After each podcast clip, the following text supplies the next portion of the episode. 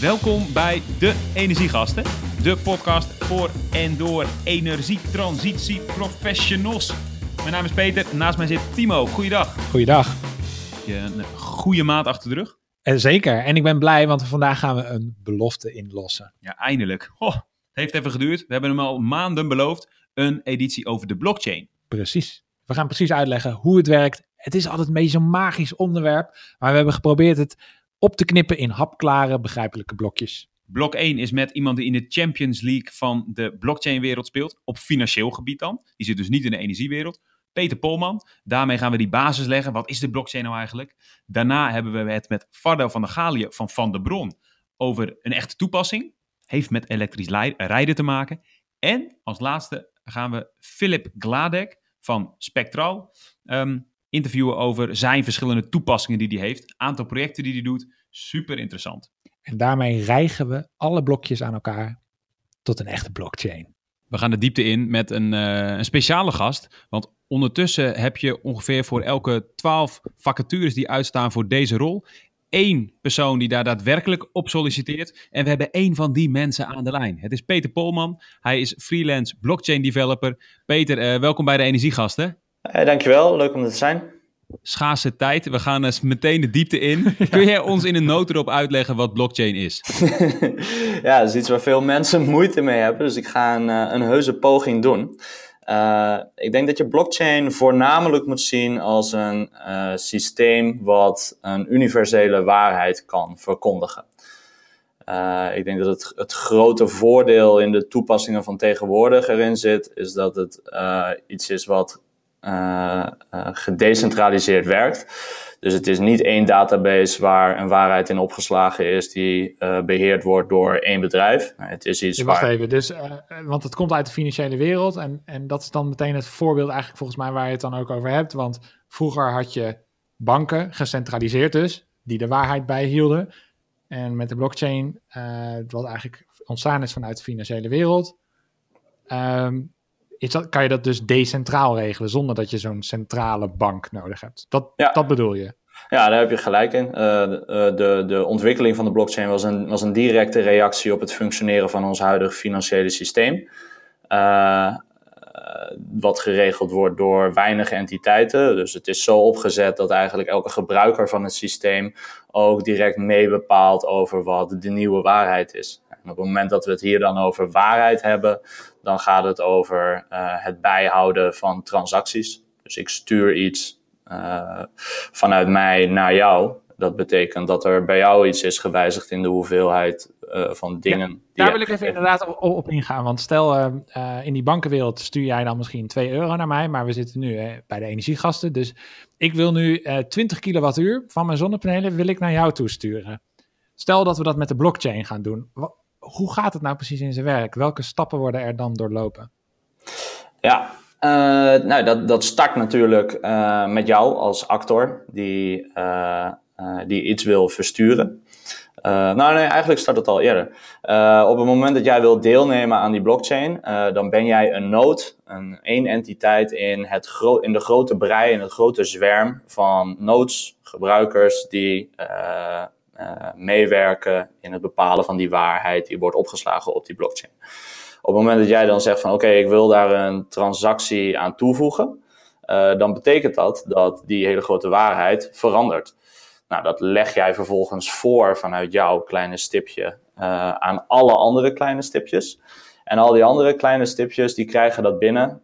En dat is geencrypt, versleuteld. En die moeten dat gaan uh, ontsleutelen. Nou, daar hebben, zijn ze in het initiële, dat heet het, het proof of work uh, uh, model. Uh, dat is een consensusprotocol. Oké, okay, wacht, wacht even voordat ik je verlies. Dus ik heb nu gezegd van ik heb 20 kilowattuur naar jou overgemaakt. Dat krijg jij van mij. -hmm. maar ja, wie zou dat nou allemaal moeten geloven? Dus ik stel eigenlijk voor aan het netwerk van jongens, ik heb 20 kilowattuur naar Peter overgemaakt, maar jullie moeten dat nog maar eventjes voor mij controleren. En dat, dat verstuur ik versleuteld op. In een blokje. Vandaar de blockchain. En dat wordt toegevoegd aan de chain van alle andere blokjes waarin mutaties hebben gestaan. Uh, maar alleen als de andere mensen dat uh, goedgekeurd, eerst uh, ontcijferd hebben en daarna goedgekeurd hebben. Juist, dan pas wordt het aan die chain toegevoegd en is dat de nieuwe waarheid. En nu stappen we een heel klein beetje snel over dat bepalen van die, van die waarheid heen. Maar daar zit nog een, uh, uh, daar, daar gebeurt heel veel werk wat uh, relatief, of ja, vrij lang duurt voordat die nieuwe waarheid bepaald is. Je leest van alles in het nieuws over in IJsland dat ze gigantische van die farms hebben waar ze bitcoins minen en zo. Dat schijnt allemaal heel veel tijd en energie te kosten. En ja. dat heeft met dit deel te maken, toch? Ja, precies. Uh, kijk, toen de, uh, laten we het even beperken tot de, de Bitcoin blockchain zoals we hem kennen en zoals de meeste blockchains werken op dit moment. Uh, die is ooit zo begonnen met heel weinig mensen, heel weinig van die stipjes in die grote zwerm. Toen waren er nog niet van dat soort partijen in China die besloten dat ze enorm veel zware equipment gingen kopen om maar zo snel mogelijk dat blokje van jou wat jij wil toevoegen te kunnen ja, decrypten uh, en dan als eerste, weer een belangrijk element, een beloning daarvoor te krijgen en weer door te kunnen naar het volgende. Uh, ja, wacht even. Dus als ik iets voorstel, ik heb 20 kilowattuur naar jou overgemaakt in het netwerk, dan zijn er allemaal mensen die, kunnen, die, kunnen, die kunnen dat blokje oppakken en zeggen van nou, ik, ik heb wel het vertrouwen dat ik dat als eerste kan ontsleutelen. Mm -hmm. Dat kost dus tijd en energie. Maar als je de, als je de sleutel hebt gevonden, dan krijg je daar een beloning voor in de vorm van in het geval van de bitcoin krijg je daar weer bitcoins voor. Dus daar krijg je gewoon simpelweg geld voor. Een, een beloning juist. voor het feit dat jij die controle hebt uitgevoerd. Juist, juist. En als eerste uh, de, de oplossing hebt gevonden van die, uh, van die versleuteling. En direct daarna wordt dat ding aan de blockchain toegevoegd. Dan krijgt elk stipje in die zwerm weer een signaaltje van: hey, dit is de nieuwe, de nieuwe waarheid, updaten. En als er dan weer mutaties toegevoegd gaan worden, dan begint het verhaal weer van, uh, van vooraf aan. Maar okay, dit, betekent, nou... dit betekent dus ook dat de snelheid van het systeem steeds, het wordt steeds trager eigenlijk als ik dit begrijp. Ja, dat klopt. Uh, ik denk, ja, dat we meer dan tien jaar geleden uh, ging dat allemaal nog, uh, nog relatief rap. Oh nee, toen ging het eigenlijk ook al traag. maar op dit moment is er heel veel hashing power of, of computerkracht nodig om die versleuteling op te lossen. En dus uiteindelijk. Want het systeem werkt zodanig dat, dat, je, dat het altijd ongeveer de vastgestelde tijd uh, duurt voordat mensen het opgelost hebben, toch? Uh, oh, dat durf ik eigenlijk niet met, met zekerheid te zeggen. Dat, dat eigenlijk als je weer sterkere computers krijgt en je dus eigenlijk sneller die versleuteling kan oplossen. Dan wordt het oh, je bedoelt over een, een lange tijd, zo met, met het oog op de toekomst. Precies, dan wordt het eigenlijk weer een stukje moeilijker gemaakt, waardoor het toch weer even lang ja. duurt voordat iemand uh, het oplost. Want het principe van het hele systeem is dat je er tijd en energie in moet stoppen om die versleuteling uh, te ontcijferen, als het ware. Ja. Dus het hele, ja. het hele idee is om energie te verbruiken om daar waarde voor terug te krijgen. Ja, en, en dat, dat is wel interessant. Want als we dan even uitzoomen van, nu snap ik ongeveer hoe dit werkt, maar waarom is dat dan het, waarom zorgt dat dan voor vertrouwen? Dat je er dus tijd en energie in moet stoppen om het te ontcijferen. Nou ja, om, om dat snel te kunnen minen, om dat goed te kunnen minen, moet je heel veel investeren. Het is niet voor niks dat uh, heden ten dagen alleen hele grote partijen in China dat kunnen doen. En die stoppen er zoveel geld in, omdat de waarde van die, uh, uh, van die currencies enorm gestegen is. Oftewel, de beloningen die ze ervoor krijgen als ze goed zijn, dan, dan kan dat blijkbaar uit. Ja, en, en als er zoveel. Maar dat is dus eigenlijk, want je begon in je verhaal met die banken, die dus centraal eigenlijk zijn. Maar het feit dat, dat niet één partij in de wereld al die tijd en energie erin kan stoppen om alles maar te, op te lossen en daarmee alle macht naar zich toe trekt, uh-huh. dat zorgt er eigenlijk voor dat er dus allemaal verschillende mensen die controle van die transacties uitvoeren en daardoor eigenlijk de macht decentraal is. Ja, idealiter zag het systeem er inderdaad zo uit. Alleen nu alsnog is er heel veel macht toch een soort van ge, nou, nog steeds vrij decentraal, maar redelijk gecentraliseerd naar die hele grote mining pools. Hmm. Even, even de koppeling weer met de energiesector. Hè? Als ik het voor, uh, bij, bij Bitcoin zeg je nu, uh, er komt eigenlijk weer macht bij een aantal spelers terecht. En het mhm. feit dat het nu nog mogelijk is, komt vooral omdat de waarde van de bitcoin enorm gestegen is. Als we even weer die mhm. koppeling maken met uh, wat Timo in het begin noemde, 20 kilowattuur. Um, die waarde, als we dat in, het, in zeg maar, de, de, de, de toekomst van de energiesector willen gebruiken, de waarde van een kilowattuur zal niet oneindig blijven stijgen. Uh, oftewel, hoe kun je er dan in de energiesector voor zorgen dat je toch een blockchain maakt die dat niet nodig heeft? Ja, ja dat is interessant. Uh, dat is de, de, de hebben we het dan een beetje over de volatiliteit van, van coins zoals het nu is? Want als het, dat gaat over financiële producten. Die nou, energiesector, dat gaat voornamelijk over het opslaan van transacties, toch? Daar zit niet per se een een fiat-waarde tegenover. Nou, ik bedoel meer dat, dat, dat nu zorgt het feit dat je energie en tijd moet investeren om de waarheid boven water te krijgen. Die zorgt ervoor dat er vertrouwen is. In de energiesector kan dat niet, want die waarde van die kilowattuur zal niet oneindig blijven stijgen als het netwerk heel erg groot wordt. Stel, ik zie even een wereld voor me dat we in Europa allemaal dezelfde blockchain gebruiken om energie te verhandelen. Uh, dan kan het niet zo zijn als dat netwerk oneindig veel nodes kent, dat het heel veel energie en heel veel tijd kost om die waarheid weer in die blockchain toe te voegen. Dat, dat werkt toch niet in de energiesector? Nee, nee dat lijkt Precies. En Hoe kan dat dan? Ja, dus dan zou je eigenlijk naar een ander model moeten. Want het model wat we nu eigenlijk bespreken, dat heet, als ik het goed heb begrepen van Peter, proof of work. Hè? Dus je moet er work, je moet er arbeid in stoppen om het, om het te ontcijferen. En je kan dus ook nog naar proof of stake. En als ik het goed heb begrepen, gaat, is het dan zo dat degenen die veel kilowatturen in beheer hebben, dat die ook mee mogen stemmen over wat dan de nieuwe waarheid wordt? Ja, ja precies. Ja, wat, wat Dan gaan we wel heel erg de diepte in. Hè? Ja, maar het is wel belangrijk om dat te noemen, denk ik. Proof of stake is een, uh, is een reactie op het stukje performance problematiek wat we op dit moment ondervinden in de Bitcoin blockchain. Je bedoelt, eh, performance problematiek betekent het is te traag, hè? Ja, het is veel te traag. Uh, de beloftes die in het verleden werden gedaan dat we uh, transacties sneller zouden kunnen voltooien dan met onze creditcards, uh, die zijn op een zeker niveau wel waar, omdat er wat minder bureaucratie aan de, aan de orde komt. Maar als je echt kijkt naar de technische verloop van zo'n transactie, uh, dan kunnen we er nu iets van 7 per seconde verwerken. Terwijl een creditcardtransactie, ondanks al zijn bureaucratie, op iets van 10.000 per seconde zit. En wat is er dan nodig om de energiesector wel iets aan blockchain te laten hebben als we het snel willen laten werken? Nou, als je energie inderdaad verhandelbaar wil maken, zoals op dit moment uh, uh, crypto's worden verhandeld op een beurs, bijvoorbeeld, dan heb je daar een behoorlijk hoge performance voor nodig.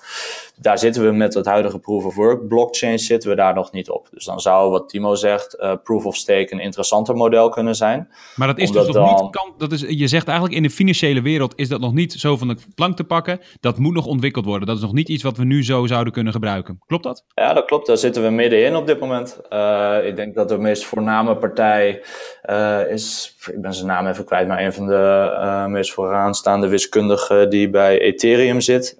Ethereum is weer een andere blockchain die op dit moment ook nog proof of work uh, hanteert. Maar ook tegen zoveel performance problematiek aanloopt dat ze uh, wel iets anders moeten verkennen. Die zijn bezig met een update, die heet Casper. Uh, en daarin zou een nieuw consensusmodel moeten zitten, wat gebaseerd is op proof of stake. Oké, en en tot die tijd voor de energiewereld zal het waarschijnlijk zo zijn dat we op kleinere schaal uh, uh, projecten gaan draaien om toch de blockchain kunnen, te kunnen gebruiken. Want als we het op grote schaal doen, dan zeg jij, dan is de technologie nu nog niet voldoende om die uh, performance problematiek ja, te, te, te ontvluchten, zeg maar.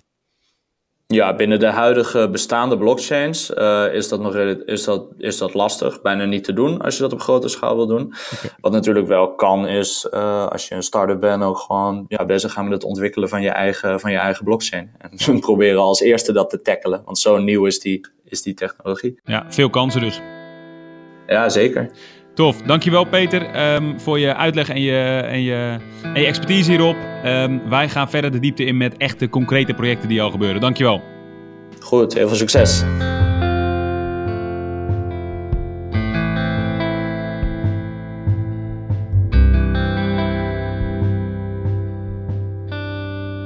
Peter, snap jij nu een beetje hoe de blockchain werkt? Zo, het ging wel meteen de diepte in zeg. Wat ik meegekregen heb, is dat de grootste uitdaging zit in dat performance problem. Um, dus dat betekent dat we nu nog niet op de hele wereld met één blockchain energie zouden kunnen verhandelen. Want dat wordt gewoon nu nog ontwikkeld in de Champions League van de blockchainbouwers. Precies, van de programmeurs, zoals, ja. zoals Peter. Ja. ja. Met Peter in de spits. Met Peter in de spits, exact. Ja. En daarom is het super interessant om te kijken wat kan er dan al wel en welke toepassingen zijn er wel mogelijk. En dat is wat we nu gaan doen. Ja, en wat ik vooral heel erg interessant vind is van dat vergezicht kan je heel makkelijk maken. Dus gewoon, dat is eigenlijk heel duidelijk. Zoals nu in de energiewereld euro's en aandelen worden verhandeld. Zo gaan we op de blockchain. Zo gaan we kilowatturen in de energiewereld verhandelen. Gewoon, Mhm. ik geef 20 kilowattuur aan jou. En dat kan je dan op, op, op huisniveau, op buurtniveau, op landenniveau. Kan je allemaal markten maken, geautomatiseerde markten. Die dus digitaal, waar je dat allemaal met elkaar gaat verhandelen. Ja. Dat is eigenlijk best wel makkelijk voor te stellen. En iedereen is het er ook wel over eens dat dat het soort van het energie-blockchain vergezicht is. Maar hoe kom je daar? Want nu werkt het echt helemaal niet zo. En nu heb je allemaal verschillende regelgevingen. Dan heb je Tenet, verschillende markten, die, die allemaal helemaal anders werken. Heel internationaal ook weer verschillend. Dus dat is wat mij betreft de hoofdvraag van onze uitzending. Van, oké, dat vergezicht is wel duidelijk. Maar hoe ga je daar komen en waar begin je dan? Ja, En- wat wordt je startpunt? Precies. Ja. En, en daar hebben we nu volgens mij een paar mooie voorbeelden voor. Van mensen die zo gewoon zijn begonnen. Die zeggen, nou, dit is mijn startpunt. En ik ga vanuit hier langzaam naar dat vergezicht toe werken. Laten we eens een startpunt erbij pakken. Van de Bron is een pilot, of een pilot, ja, ik denk dat het een pilot is, we gaan het zo horen. Is een pilot begonnen eh, waar de blockchain een grote rol in speelt. Fardouw van der Galië is eh, Head of EV. Fardouw, welkom bij de Energiegasten. Ja, dankjewel. En een pilot, dat klopt. Hè? Jullie zijn een pilot begonnen. Gaan we zo meteen Ja. de diepte op in. Ehm, dat heeft te maken met elektrisch rijden. Ehm, voordat we dat gaan doen, gaan we eerst, Fardouw, het spannendste podcastspel spelen dat er bestaat. En dat heet Quote of Quatsch. Dat speel jij tegen Timo. En dit is de eerste keer dat Timo echt geen flauw idee heeft van de vragen. Dus ehm, je maakt een hele goede kans om eh, met de eer naar huis te gaan. Drie vragen, drie multiple choice vragen. En aan, allebei, eh, vraag ik het, eh, aan, aan jullie allebei vraag ik het antwoord. En we gaan er meteen in. Helder, Fardo? Zeker, ja. Vraag 1. Op 28 maart kwam het gasmanifest uit. Dit manifest dat pleit voor de invoering van een rendementseis per 1 januari 2021, zodat traditionele gasketels niet meer voldoen. Er zijn een aantal organisaties die dat ondertekend hebben. Alleen de vraag is, welk van deze drie organisaties die ik ga noemen, ondertekende dit manifest wel? Dus ik noem er drie. Eén van die drie heeft hem wel ondertekend, de andere twee niet. GasUnie, Nuon en Green Choice. Fardouw, welke van de drie heeft dit manifest ondertekend? Wel ondertekend. Eh, Green Choice zou ik zeggen. Timo? Ik, ik vind het wel echt veel spannender nu ik de antwoorden niet weet. Dit hadden we eerder moeten doen. ja, en ik wilde oprecht, en nu weet je dat het ook echt oprecht is, ook voor Green Choice kiezen. Allebei Green Choice, allebei fout. Ehm, het gaat om GasUnie, die heeft hem ondertekend. Nou, dat is wel Ah, positief. Ja, dat is heel positief. Ik, eh, Green Choice mag dan nog volgen, neem ik aan. Ja, ongetwijfeld. Eh, de, de- van de Bron stond er ook niet op, hoor, Fardouw. Dus het is niet zo dat iedereen eh, die in de groene hoek zit hem getekend heeft. Eh, maar GasUnie stond er wel op. Ehm, vraag 2. De Britse, eh, er is een Britse start-up eh, die heeft het idee om een oude mijnschacht nieuw leven in te blazen. Het gaat om een energiestartup. De vraag is, wat willen ze hiermee doen? A, ze willen in die mijnschacht CO2 gaan opslaan. Dus eigenlijk CCS, Carbon Capture and Storage. B, ze willen een gewicht in de schacht gaan hangen om daarmee energie op te slaan. Of C, ze willen die eh, mijnschacht gaan vullen met water om zo een bron voor een WKO-systeem te maken, warmte-koude opslag. Timo, A, B of C? Nou, ik ga voor B, voor dat gewicht. Gewicht Dat in spreekt me wel aan. Ja. Farah, wat zeg jij? Ik zat te twijfelen tussen B en C, maar om het dan spannend te houden, ga ik dan voor C. Oh, dat is eh, leuk om het spannend te houden, maar dat levert je geen punt op. Shit, Het punt gaat naar Timo. Yes. Het is een gewicht in de schacht. Het gaat om het eh, Engelse bedrijf eh, Gravitricity. Bestaat al sinds 2011. eh, bleef een beetje aanmodderen. Maar heeft onlangs een hele grote deal getekend met Huisman. Nederlandse bedrijf Huisman. Ehm, en ze hangen eigenlijk een gewicht aan een kabel in dat boorgat. Ehm, en om je enig idee te geven van de omvang. eh, stel ze hangen 3000 ton aan die kabel. En je gaat over een diepte van 1500 meter. Zo diep is die schacht ongeveer. Heb je eh 12,5 megawattuur aan opslagcapaciteit. Wauw. Vraag 3. 1-0 voor Timo. Het kan nog gelijk worden, Faro. Of Timo gaat er met de winst vandoor. De derde vraag is... Dat gaat over je wekkerradio of de radio op je oventje. Eh, het kan zijn dat die een paar minuten achterliep afgelopen weken. En dat heeft ergens mee te maken. De vraag is, waarmee? Had dat A te maken met eh, dat netbeheerder Tenet een cyberaanval kreeg te verduren... waardoor de frequentie van het net minder stabiel was? B. Tata Steel lag twee dagen plat door een staking. Daardoor was er een veel lagere elektriciteitsvraag en dus een andere frequentie op het net. Of C, er was een politieke ruzie tussen Kosovo en Servië, waardoor er minder aanbod was in Europa, waar wij zelfs in Nederland last van hadden, waardoor onze wekkerradiootjes achter gingen lopen. Timo, begin bij jou. A, B of C? Ja, ik weet niet of mensen zich realiseren, maar de frequentie van het netwerk heeft dus invloed op je klokje. hè? Dat is hoe het werkt. Dat klopt. Maar nu is jouw vraag, waardoor is die frequentie veranderd? Ja, ja, en ik denk ja. dat het komt door de staking bij Tata Steel. Jij denkt Tata Steel. Farah, wat zeg jij? Oeh, dit is, eh, dit is een lastige. Eh, ik ga, ja, kan ik weer kiezen of ik voor het spannende ga of voor... eh, ik, Ik zou voor het spannende voor het gaan. spannende. Je moet sowieso voor een antwoord gaan, want anders kan je nooit meer Nee, winnen. dat is waar. Oké, nee, dan ga ik voor C. Goeie keus. Goeie keus. Het was inderdaad C. Eh, wat Timo zei klopt helemaal. 50 hertz is onze, is onze zeg maar, eh, frequentie waar Tenet het altijd op wil houden. Maar ook op Europees niveau moet het op die 50 hertz blijven. Kosovo en Servië hadden issues. eh, veel minder aanbod daarvan elektriciteit. Waardoor het hele Europese elektriciteitsnet daar problemen van had. En om je idee te geven, die 50 hertz betekent dat je normaal 50 keer per seconde van richting verandert. Wisselspanning. Ehm, maar nu was dat 49,996. Hm. En door die verstoring liepen onze klokjes vijf minuten achter. Dus kon je vijf minuutjes langer slapen als je geluk had.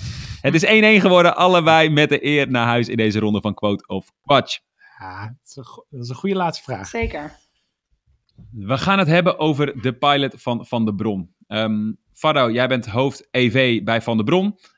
Wat houdt die pilot die jullie doen, wat houdt die pilot in? Tenet die is verantwoordelijk voor het balanceren van het net, zoals we net eigenlijk al hoorden in de, in de vraag. En ehm, wat we eigenlijk gaan doen is met behulp van elektrische auto's bijdragen eh, aan het balanceren van het net. Dus dat betekent dat je de batterijcapaciteit van elektrische auto's gebruikt om extra te, eh, zeg maar, extra te laten laden. Dus maar, meer stroom af te nemen of geef je juist stroom terug? Nee, nou, ehm, hoe het eigenlijk werkt, Tenet die is eh, eigenlijk dag en nacht eh, elke minuut bezig om balans op het net te houden.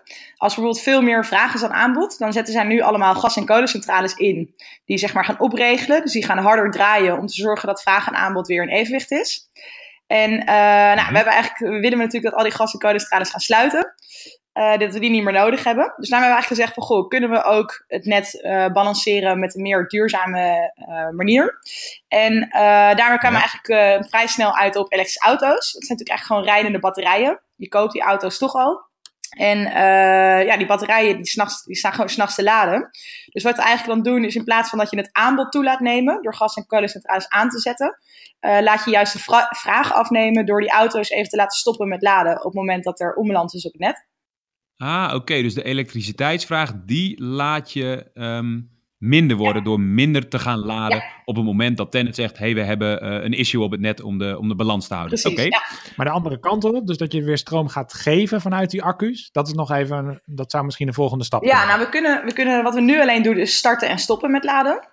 Eh, dus op het moment dat je gaat, gaat starten, dan neem je juist weer meer eh, energie af van het net. Alleen we leveren inderdaad nog geen energie terug. En dat komt ook omdat eigenlijk best wel veel automerken hier nog een beetje sceptisch tegenover zijn. Die zeggen van ja, auto's zijn bedoeld om te rijden en niet om het net te balanceren. Eh, dus vandaar dat we nu hier, hiermee zijn begonnen. Maar in de toekomst, als het allemaal meer geaccepteerd is, denk ik wel dat dat ook zeker een optie is. En dan nu de vraag, want onze hele editie gaat over de blockchain. Welke rol speelt de blockchain hier dan in? Ja, ehm, nou, wat er eh, gebeurt met Tenet als jij ehm, bij wil dragen aan het balanceren van het net, dan moet jij minimaal een bieding doen van 1 megawatt. Dat is dan jouw flexibiliteit die je biedt. En op dit, Dat is het vermogen wat je moet kunnen leveren dan op dat moment. eh, ja, dus eigenlijk eh, dat, dat is wat je moet kunnen op- of afregelen. Dus wat je bijvoorbeeld bij moet kunnen gaan leveren of juist minder in het geval van de gascentrale. Eh, Ja. En op het moment dat de gascentrale dat doet, dan is het voor Tenet best wel makkelijk te checken. Want die ene gascentrale die gaat 1 megawatt harder, eh, harder draaien. Die levert, die meer, levert meer capaciteit. Maar op het moment dat jij diezelfde flexibiliteit wil leveren met elektrische auto's, eh, heb je daarvoor minstens 100 elektrische auto's nodig. En dan is het voor Tenet eigenlijk heel erg lastig om te checken ehm, ja, of die flexibiliteit ook daadwerkelijk geleverd wordt. Dus of die auto's ook echt stoppen met laden. Dus wat wij nu opgezet hebben met Tenet is dat de Tenet die stuurt eigenlijk op, oh, wij sturen eigenlijk op de blockchain. Zeggen wij nou, over, eh, over een uur hebben wij eh 1 megawatt flexibiliteit beschikbaar voor eh, 100 euro. Eh, dan zegt Tenet van nou, daar wil ik gebruik van maken. Ik heb hier de flexibiliteit nodig. Dus die stuurt een signaal terug over de blockchain. Eh, en als gevolg daarvan schakelen wij al die eh 100 auto's, die laten wij stoppen met laden. En die auto's die gaan allemaal ieder voor zich, eh, loggen zij hun actie op die blockchain. En Tenet kan dus precies zien dat wat zij ook echt gevraagd hebben eh, eh, aan die auto's of aan ons eh, om te doen, dat het ook echt gebeurt. Dus op deze manier kunnen zij controleren dat, dat de flexibiliteit die zij vragen ook daadwerkelijk geleverd wordt. Wauw, dus het gaat eigenlijk weer over vertrouwen. Hè? Want uh, dat leerden we eigenlijk van onze eerste gast ook al. Dat blockchain, daarmee kan je vertrouwen creëren. En daar maken jullie dus eigenlijk Ja. gebruik van. Ja, en op deze manier wordt het dus mogelijk om ook met ja, zeg maar kleinere assets eh, te kunnen bijdragen aan het balanceren van het net. Dus dat betekent dat gewoon de consument kan bijdragen. Wat bedoel je met een asset? Eh, ja, nou in dit geval is dat een elektrische auto. Maar eigenlijk kun je aan alles denken. Dus je kunt ook denken aan een, aan een boiler of aan je wasmachine of een warmtepomp. Alles wat zeg maar vraag heeft en wat je bijvoorbeeld tijdelijk zou kunnen uitstellen. Waarmee je dus flexibiliteit kan leveren. Dat is dan eigenlijk een asset.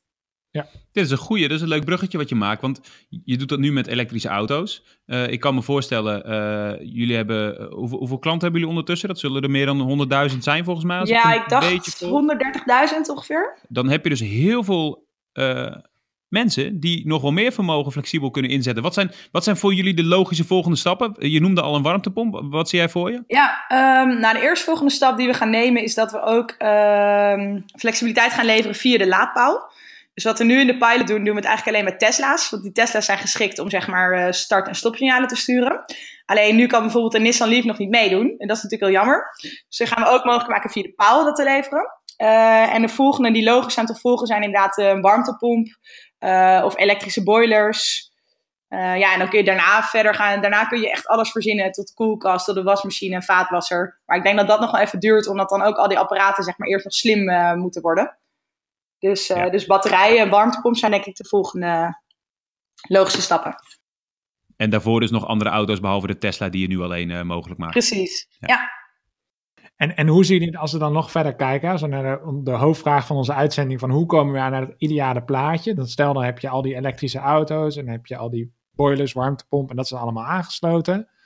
Zijn we er dan eigenlijk al? Of, wat, of moet er, die vraag stel ik even hardop en ik kijk ook naar Peter. Maar wat, wat moet er dan nog gebeuren om, om helemaal naar het ideaal plaatje te komen waar we energie verhandelen via de blockchain?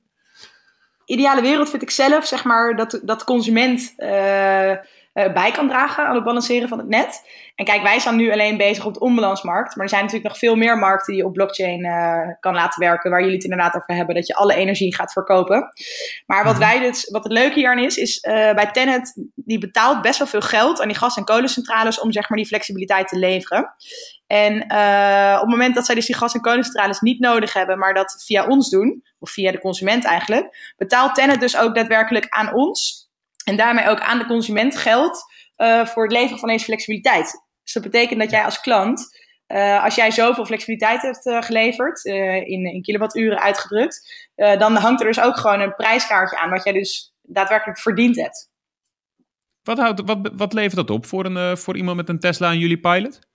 Ja, nou we hebben nu eh, wat we uitgerekend hebben met ja, data van vorig jaar, zeg maar, dus met onbalansprijzen van vorig jaar.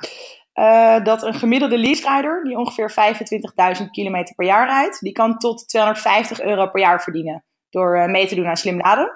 Maar het is natuurlijk wel afhankelijk van hoeveel flexibiliteit je aan ons aanbiedt. Dus als jij, ehm, eh, zeg maar, ja, hoe, hoe, hoe flexibeler je bent in het laden, dus in, in het aansturen van het laden, hoe meer geld je kunt verdienen. Ja. Dus wat de klant bij ons doet in de app, die vult gewoon in. eh, nou, ik wil morgenochtend om 8 uur dat mijn auto vol is geladen.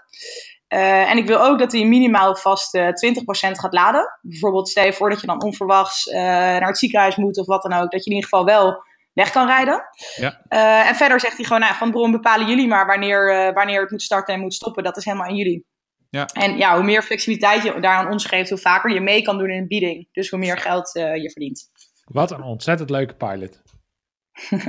ja, vind ik echt. En bouwen jullie, dat is nog de laatste vraag die ik heb, die blockchain bouwen. Dat klinkt voor mij altijd, ja, dat is altijd toch een beetje wazig. Dat, dat, dat moet dan geprogrammeerd worden of zo. Is dat echt een eigen blockchain die jullie bouwen? Eh, of is dat dan eh, weer met een andere partner? Is dat zo meteen van Tenet? Wie, wie heeft die blockchain dan? Ja, nou, IBM heeft het gebouwd en het is, het is een private hyperledger. Dus dat betekent dat het zeg maar niet een eh, blockchain is waar iedereen in kan kijken. Maar in dit geval eh Tenet en alle partijen die flexibiliteit eh, bieden. Eh, dus IBM heeft het gebouwd, maar die heeft het gebouwd in opdracht van Tenet. Dus in principe is Tenet de, de eigenaar van de blockchain. En eh, want uiteindelijk kunnen ook alle leveranciers hier, hier aan, eh, aan meedoen. Nadat de pilot succesvol is. Ja. Het is eigenlijk de geautomatiseerde versie van hun onbalansmarkt, waar jij, jullie Ja. nu als eerste gebruik van maken, maar waar andere partijen ook gebruik van zouden kunnen gaan maken. Ja, ja, dus zodra de pilot zeg maar ja, een proof of concept wordt en dan echt geïmplementeerd wordt, dan kunnen ook alle andere eh, ja, leveranciers van flexibiliteit eh, hier zich bij aansluiten. Sparta van der Galië, dankjewel. Uh, Head of EV bij Van der Bron. En um, wij gaan verder op onderzoek uit in deze wereld. Dankjewel. Super, dankjewel.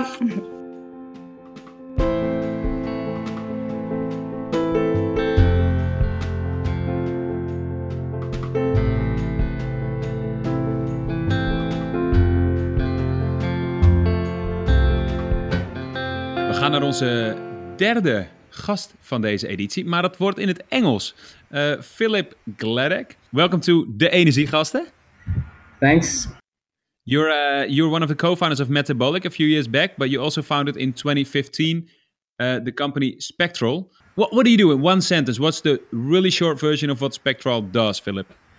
So yeah, we're a uh, technology development and system integration company specializing in smart energy solutions. So uh, really connecting different uh, hardware and devices to become one functional system. That's also the reason why we contacted you because you have various projects in which you use blockchain um, uh, as a technology to do what you want to do. Um, we will uh, get into detail on a few of those projects and to discuss with you what do you see as the main use cases for blockchain before we have this ideal world in which anyone can trade energy with anyone. Um, mm-hmm. We will go through three uh, different use cases. Uh, let's start with the first one. Uh, what do you see as the first opportunity where you already can today use blockchain um, in the energy field? Yeah. So, one of our running projects now where we're using blockchain technology is an implementation at a local community uh, called De Kovel, located in Amsterdam North. Uh, there, together with our partners from Aliander and the community, uh, we've implemented a blockchain platform for peer to peer energy exchange uh, and also to support a, a local uh, sharing economy within the community. But uh, I'll focus today on talking about the energy aspects. Uh, That's, the Keuvel is the place where they have all the different houseboats turned into office spaces on an old industry, let's say shipyard, right? That's correct. Yeah, and I was also involved in uh, the construction and realization of the project uh, while working with Metabolic, and now uh, with Spectral, we're uh, continuing to uh, experiment and use the Koval as a as a real living lab to test out new technologies before we scale them up. And what do you actually do there, energy wise? Yeah, so uh, one thing I should mention is uh, the Koval has its own private microgrid. So we only have one connection to the grid of Leander and uh, one supplier on that connection. But behind the meter, we have freedom to actually, uh, uh, uh yeah, exchange energy and do a lot of things uh, more flexibly than perhaps in the public grid context. So uh, the microgrid there is all electric, with most of the houseboats having their own PV panels and heat pumps and other sources of flexible demand. So what we do there is, well, for one, we've implemented a, a, special hardware device which we've called the block box that contains several smart meters that can measure real-time data of, for example, PV production and the heat pump consumption, uh, but also a small computer which actually runs the blockchain software and is able to commit the data or make the transactions on the blockchain. Uh, so we mint uh, uh, tokens called the Juliet uh, on the basis of physical kilowatt hours of renewable energy that's produced in the microgrid. So that means if you have solar panels on your houseboat and you produce on a sunny day a few kilowatt hours, you get in return a certain amount of Juliets, right? Yeah, in the basic principle. Uh, so the uh, Juliets are minted as renewable energy is produced. And I think, uh, in light of your previous conversation with the financial uh, expert, it's relevant to note that we use a completely different uh, proofing uh, technique compared to Bitcoin, for example. So, uh, because the meter, the smart meter itself, is the source of truth, we don't need to have uh, the more complex and energy intensive mining process for uh, which Bitcoin relies on, meaning that, uh, that this is what we heard called uh, this concept uh, was being called proof of work, or the alternative was proof of stake, which we discussed with our first guest. Yeah. but you don't need that.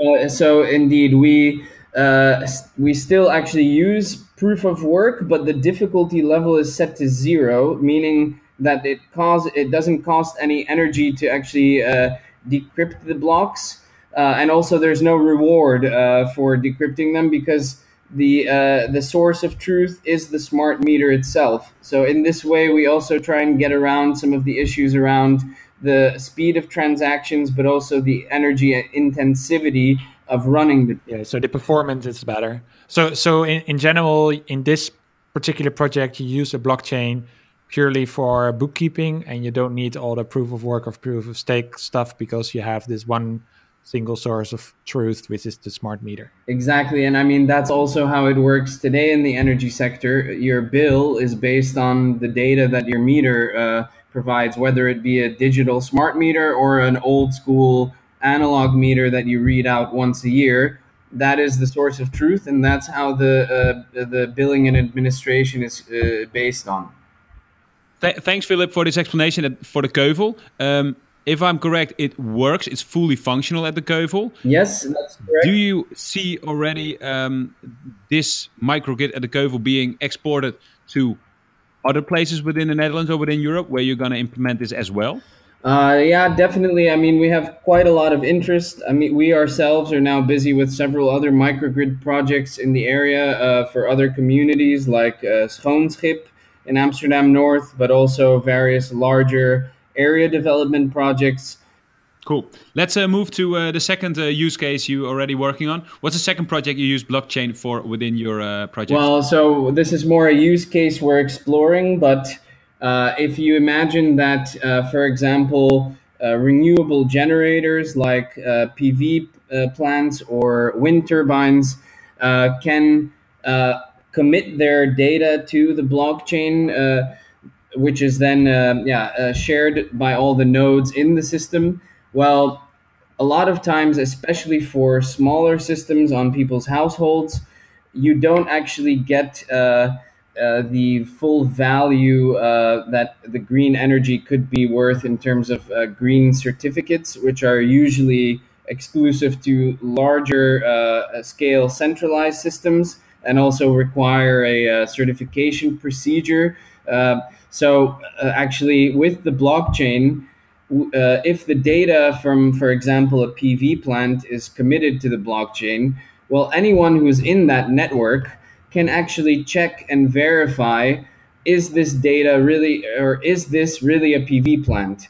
And in so doing, you can have, for example, a smart algorithm that takes that data and compares it against local uh, satellite or weather data uh, about uh, yeah solar irradiation and then this algorithm can automatically verify if the production output of this PV plant actually matches with uh, the solar irradiation data in the area. And is this is this just an idea, or is this already already a running project where you use this? Well, we're working on this implementation. We have also, uh, let's say, the algorithms behind uh, PV forecasting and uh, also weather data analysis. Uh, so we're uh, we as Spectral are busy with developing this uh, uh, market platform that you mentioned in the uh, the future vision of connecting all suppliers and consumers. So we're working on this this end goal, this vision, and in smaller, br- broken down steps and projects which contribute to this longer term goal. Uh, and so this is one of the elements that we're working on now within the scope of this uh, uh, blockchain market platform. Um, you so again, you don't use the traditional way to um, of proof of work of proof of stake, but you use the smart algorithms to check with weather data whether this, the data provided by every node uh, is valid or not. Well, yeah, and, and if you look at the broader scope, I mean, uh, the uh, various market parties such as the DSO or the netbeheerder, I mean, they in the future uh, could play the role of the oracle. Uh, so measuring actually the data in real time at uh, the 10 kilovolt transformers and substations to actually see does the in and out flow match up compared to what's downstream also to be able to automatically identify if there's fraud happening in a certain area. So, I mean, this already occurs to a certain extent, but uh, this could fit quite well into the context of this uh, blockchain market platform. Great. Let's move on to the third use case. Yeah.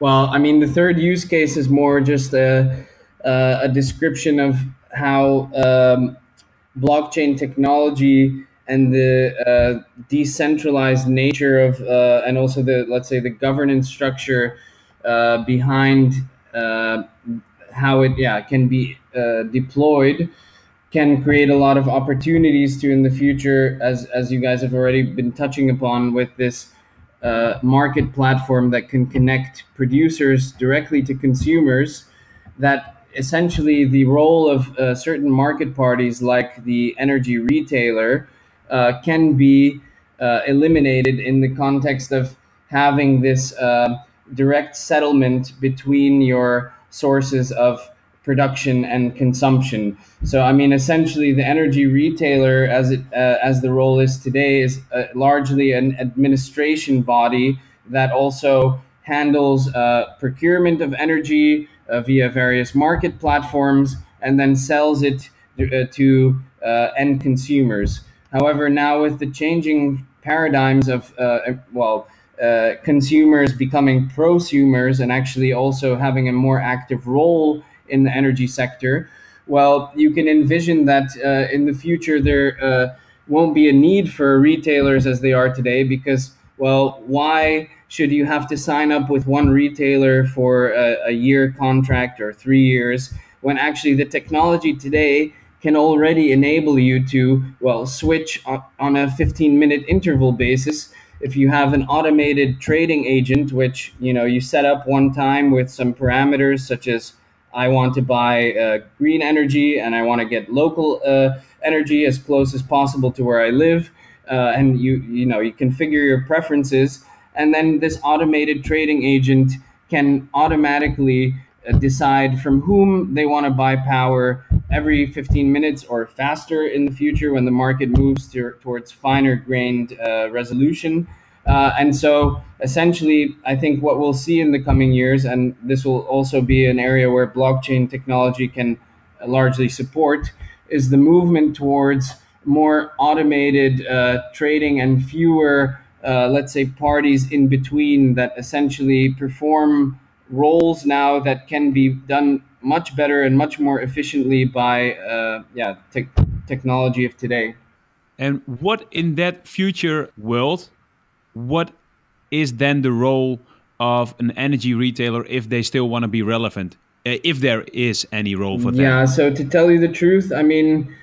The, the function of buying and selling energy will become less uh, much less relevant uh, depending on how, let's say, the national level markets evolve, there still will be uh, uh, roles, of course, for uh, the current net beheerders. Uh, and also probably uh, for quite some time the the balance responsible party will remain a, an important player but just the energy retailer and also i foresee actually metering companies being uh, some of the entities that will be phased out over time Clear. Thanks a lot for your uh, for your clear statement. Uh, thanks a lot for the uh, three use cases as well, and good luck with your projects coming up within this blockchain field. Thanks, Philip.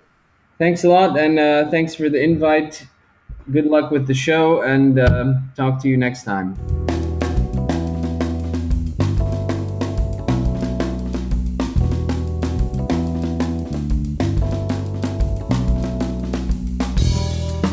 Peter, ik was zwaar onder de indruk van de projecten en de gasten die we vandaag uh, gehoord hebben. Zit jij nog wel goed in die windhoek uh, waar je in zit? Jij doet alleen maar windmolens, super saai. Ja, dat is het hè. Je moet gewoon op één ding even helemaal focussen. Je moet helemaal de diepte ingaan en dan kan je een beetje wat bijdragen. Dat hoor je vandaag eigenlijk ook weer. Je moet echt uh, al je energie erop gooien. Maar ik vind, dit is wel echt interessant. Hier gebeuren interessante dingen. Maar wat ik ook wel hoor is dat ja, uiteindelijk die, die, wat mij betreft, en er wordt elke keer gezegd, ja, er zijn verschillende use cases, maar eigenlijk gaat het er gewoon om dat de energiemarkten die er nu zijn, de verschillende energiemarkten die er nu zijn, om die te automatiseren op de blockchain. Dat is eigenlijk wat ik elke keer hoor. En wat ik wel interessant vind, ook vanuit een ondernemersperspectief, is van waar moet je nou beginnen om uiteindelijk die doorgroei te kunnen maken, waarin je echt die hele markt op een dominante manier gaat beheersen. En dan denk ik nu, maar ik ben benieuwd hoe jij erover denkt, dat bijvoorbeeld Van de Bron dat heel slim doet. Die beginnen met een, een, een, een EV-platform waar ze meteen al met 1 megawatt kunnen gaan inbieden in die markt. Direct ook al wat voorstellen. Direct ook al uh, laten zien dat het werkt, maar ook daarmee door kunnen groeien. Want je kan gewoon nog veel meer EV's gaan aansluiten. Je kan eigenlijk met dezelfde type technologie warmtepompen enzovoort gaan aansluiten. Dus die kunnen makkelijk die schaal door gaan maken om echt die dominante positie in die markt te krijgen. Dat vind ik bijvoorbeeld bij zoiets als de keuvel, zie ik dat nog veel minder goed. Daar kunnen ze op een microgrid kunnen ze de technologie laten zien, maar de manier waarop ze dat doorschalen naar iets groters, ja, dat is eigenlijk nog heel erg moeilijk. Dus ze zitten nu ook in een soort van vrijgesteld stukje regelgeving. Hè? Achter de meter mogen ze ineens alles doen. Maar ja, als het verder het grid op gaat, dan is het eigenlijk weer heel erg moeilijk. Dus. Nou, maar die, die ben ik niet helemaal met je eens. Ik zie ook die schaalbaarheid zie ik bij zo'n microgrid ook. Als het, op die, als het je op die microgrid lukt en je gaat zo meteen een nieuw bedrijventrein ontwikkelen, uh, of je een transformatorhuisje. Als jij een transformatorhuisje hebt waar vervolgens de hele wijk achter zit. Mhm. Dat is een andere meter. Dat is niet onze meter zoals wij hem in huis kennen. Maar als je achter die meter je microgrid laat draaien, kun je hem ook voor een hele wijk gaan doen. Ja, En vervolgens maakt het niet uit dat iedereen een ander, op een andere leverancier zit, want daar is met technologie ook alweer omheen te komen. Mhm. Dus die schaalbaarheid zie ik, ik zie hem heel erg ook bij Van der Bron, maar ik zie hem ook heel erg in het concept zoals het bij de Keuvel gedaan wordt. Zie ik ook zeker wel dat dat, eh, nou niet heel makkelijk, maar ook, eh, ik zie daar heel veel potentie om dat ook juist op hele grote schaal in te gaan zetten. Oké. Nou, Alleen is het- daar het- het- wetgeving wel een ding. Hè? Precies, Wetgeving het is wel wetgeving en het gaat wel ook weer om hardware. Hè? Je moet dan weer een nieuw stukje eh, grid vinden, wat je soort van isoleert, wat je dan gaat doen. En wat dan, het is niet zo makkelijk dat dat zo olievlekt verder, verder en verder en verder. Waddeneilanden, leuk om mee te beginnen. Zeker. Ja, ik- de, de wetgeving is wel iets wat ertussenin ligt. Wat, wat ik daarover hoorde is dat nu bijvoorbeeld op de Keuvel kunnen ze ontwikkelen wat, het ideale, eh, wat de ideale wereld is. En op basis daarvan kun je dan bedenken, oké, hoe moet die wetgeving er dan uitkomen te zien? Mhm. Maar dan heb je natuurlijk allemaal met Europese wetgevingen te maken. Daar kunnen we nog een hele andere editie van de ja. energiegasten over vullen. Maar een andere die volgens mij heel interessant was van, de, van onze laatste gast, was eh, als het gaat over de e- handel in e- groencertificaten. Ja. Dat is eigenlijk veel eenvoudiger. Dan zit je niet aan alle fysieke beperkingen van kilowatturen. En is, ben je eigenlijk zit je heel dag dicht al tegen die kilowatturenmarkt, de echte kilowatturenmarkt aan. Want het principe is gewoon hetzelfde. Alleen je bent groencertificaatjes aan het verhandelen in plaats van kilowatturen. Ja. Dat kan je vrij snel, vrij groot schalen. Waar, waar, waar- waardoor ik zeg, van, nou, dat is ook wel een hoopvolle route naar die, die glorieuze toekomst. Mooi. De glorieuze toekomst gaat er komen. De vraag is alleen, wanneer is hier? Wij gaan het meemaken in ons leven. Nou ja, daarmee sluiten we deze uitzending af. Wil je andere afleveringen online checken? Energiegasten.nl of via elke podcast-app, iTunes. Welke gebruik jij zelf? Eh, podcast Addict. Wat je ook gebruikt, zoek ons op, de Energiegasten. En tip vooral ook vrienden, collega's, bekenden die de energiewereld tof vinden. En Volg- even nog één dingetje erbij. Want ik kwam erachter, als je dus zoekt op ons, dan moet je wel even bedenken dat wij energie-spatie-gasten zijn. Dat maakt uit in je, er moet een spatie tussen. Ja, We maken het wel echt heel makkelijk om ons te vinden. zeker. Energiegasten.nl is zonder spatie. Kan ook gewoon. Tot de volgende editie.